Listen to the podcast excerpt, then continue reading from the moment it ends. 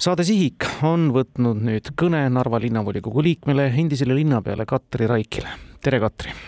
tere, tere! kõigepealt ütleme ära, et Katri soovisime viimaste Narva uudiste valguses vestelda nii Aleksei Jevgrafovi, Jan Tootsi, Mihhail Stalnuhhiniga, aga kõik väga erinevatel põhjustel kas peitsid ennast ära, peitsid ennast vastutuse taha või leidsid mingisuguse vabanduse, et mitte kõneleda.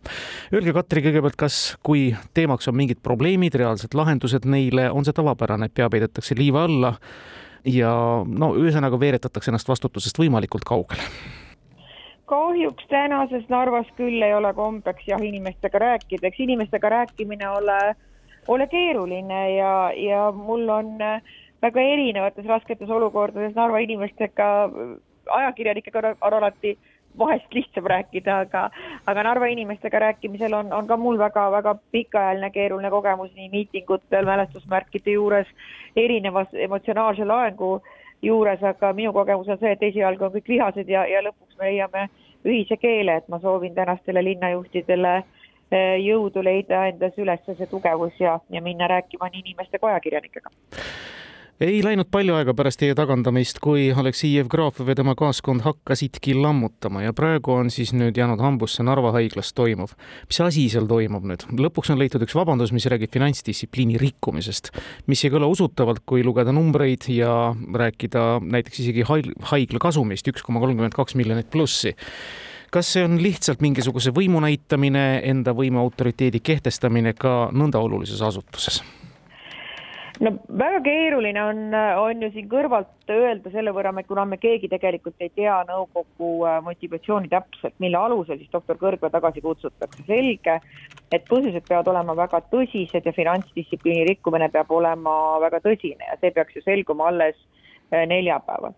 mina teeksin siinkohal äh, rõhu ka sellele, et, et kuidas on võimalik, et ühele inimesele, kes on kolm aastat linna teeninud, saadetakse pühapäeva õhtul kiri et neljapäeval on koosolek, kus me su maha võtame. niimoodi inimestega lihtsalt käituda ei saa, see on, täiesti vastutustundetu ja väga-väga inetu.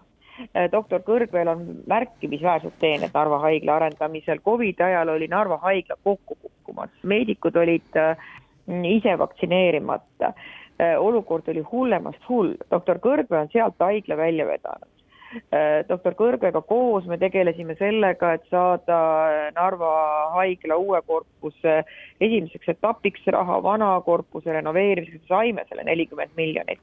ja doktor Kõrgvee on selle nii kaugele viinud, et haigla projekteerimine võiks alata, et selle projekteerimise võiks homme välja kuulutada, hanke võiks välja kuulutada. ja tõepoolest kahjuks on Narva poliitikas niimoodi, et haigla ülevõtmiseks on õige aeg, sest peagi on Europarlamendi valimised, haiglas on seitsesada töötajat ja Narva loogika on see, et äh, inimesed hääletavad niimoodi, nagu juht ütleb, kas see tegelikult nii on? no mina viimaste kohaliku omavalitsuse valimiste järgi nii öelda küll ei julge. ja teine asi muidugi, jällegi Narva loogika, on ju hea öelda, mina ehitasin haigla, mina panin nurgakivi, mina olin äh, sarikapeol. nii et siin on tõepoolest poliitiliselt on Narva haigla praegu nii-öelda magusamps ja see tuleb võtta, aga seda tehakse erakordselt äh, räpaselt ja erakordselt ebameeldivalt ja tõepoolest äh, haigla majandusnäitajad, nii palju ka, ka mina olen kõrvaltvaatajana aru saanud, kindlasti ei ütle, et doktor Kõrbe on teinud äh, märkimisväärset majandusmahhinatsioone doktor Kõrgvee populaarsus narvalaste seas on ka hämmastavalt kõrgele tõusnud, ma hämmastusega mõtlen selle peale, et ta on ju suhteliselt lühikest aega olnud ja oma inimeseks on ta võetud ikka väga kiiresti. ja hoolimata sellest, et ta on tulnud eestlasena, ta on pannud ka Narva haigla personali eesti keelt, kui mitte kõnelema, siis vähemasti õppima. See on doktor Kõrgvee tugevus, et eesti keele eest on ta seisnud nii, et vahel minugi on hirmus olnud äh, vaadata, millise jõulisusega. Äh, doktor Kõrgvee kas armastatakse või vihatakse, doktor Kõrve on jõuline juht. Ja jõulisel juhil on alati nii äh, pooldajaid kui, kui vastaseid, aga eks Narva inimesed näevad ju ka seda, kes on pühendunud, kes ei ole pühendunud, kes tahab elu paremaks teha, kes ei taha elu paremaks teha, nii väikses linnas ei ei saa jääda miski äh, suureks, äh, suureks saladuseks. minul on süda soe, et doktor Kõrbe on nii kiiresti omaks võetud see näitab, et omaks on Narvas võimalik saada.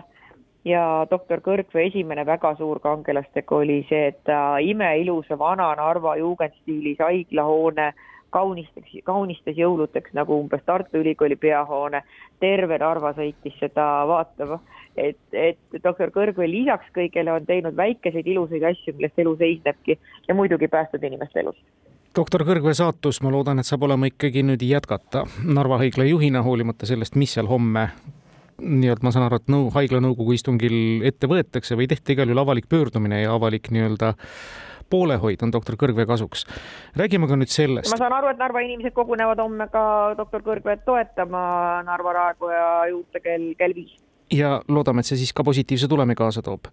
teine küsimus, millega nüüd Narva kahjuks on uudiskünnist ületanud, on ajapikenduse palumine või õigemini mõista andmine ma ei tea, kas läbi lillede, et eestikeelsele haridusele esimesest ja neljandast klassist me sel aastal küll ei jõua minna, andke meile ajapikendust.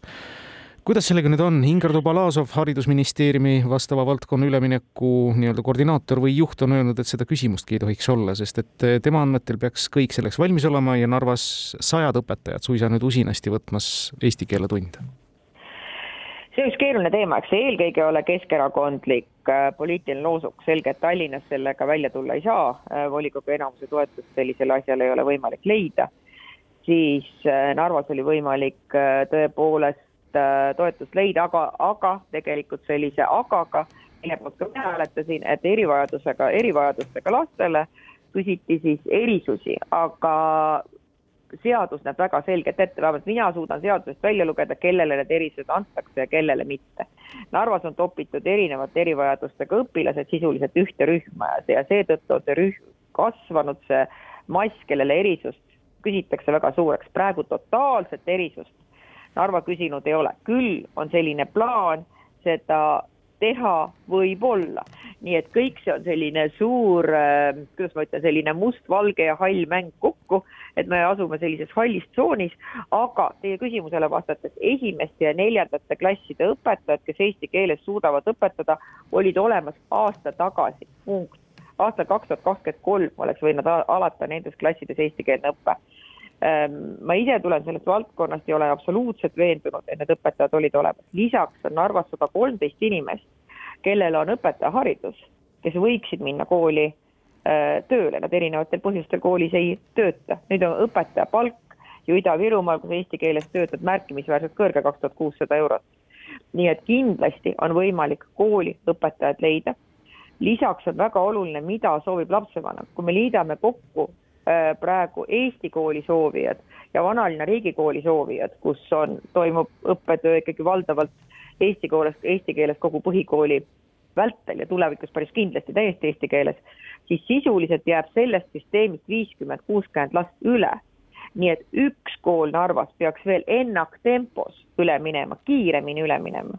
see tähendab, et äh, oleks juba teises klassis eestikeelne õpe ja kolmandas klassis eestikeelne õpe.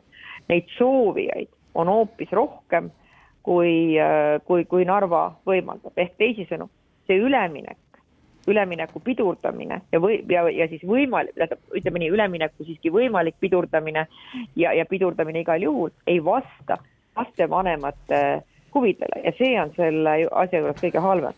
mis on problemaatiline, on lasteaiad, aga lasteaedades tuleks rakendada üks õpetaja, kaks abiõpetajat, kes oskavad eesti keelt vähemalt tasemel B2 õpetaja muidugi kõrgtasemel ja niimoodi ka, kui niimoodi pra-, tänase päeva seisuga, kui me ei võta ei arvesta seda, et me võtame õpetajaid juurde või et keegi veel keeleeksami sooritab, oleks võimalik seitsmekümne viies protsendis lasteaiarühmades eestikeelsele õppele üle minna.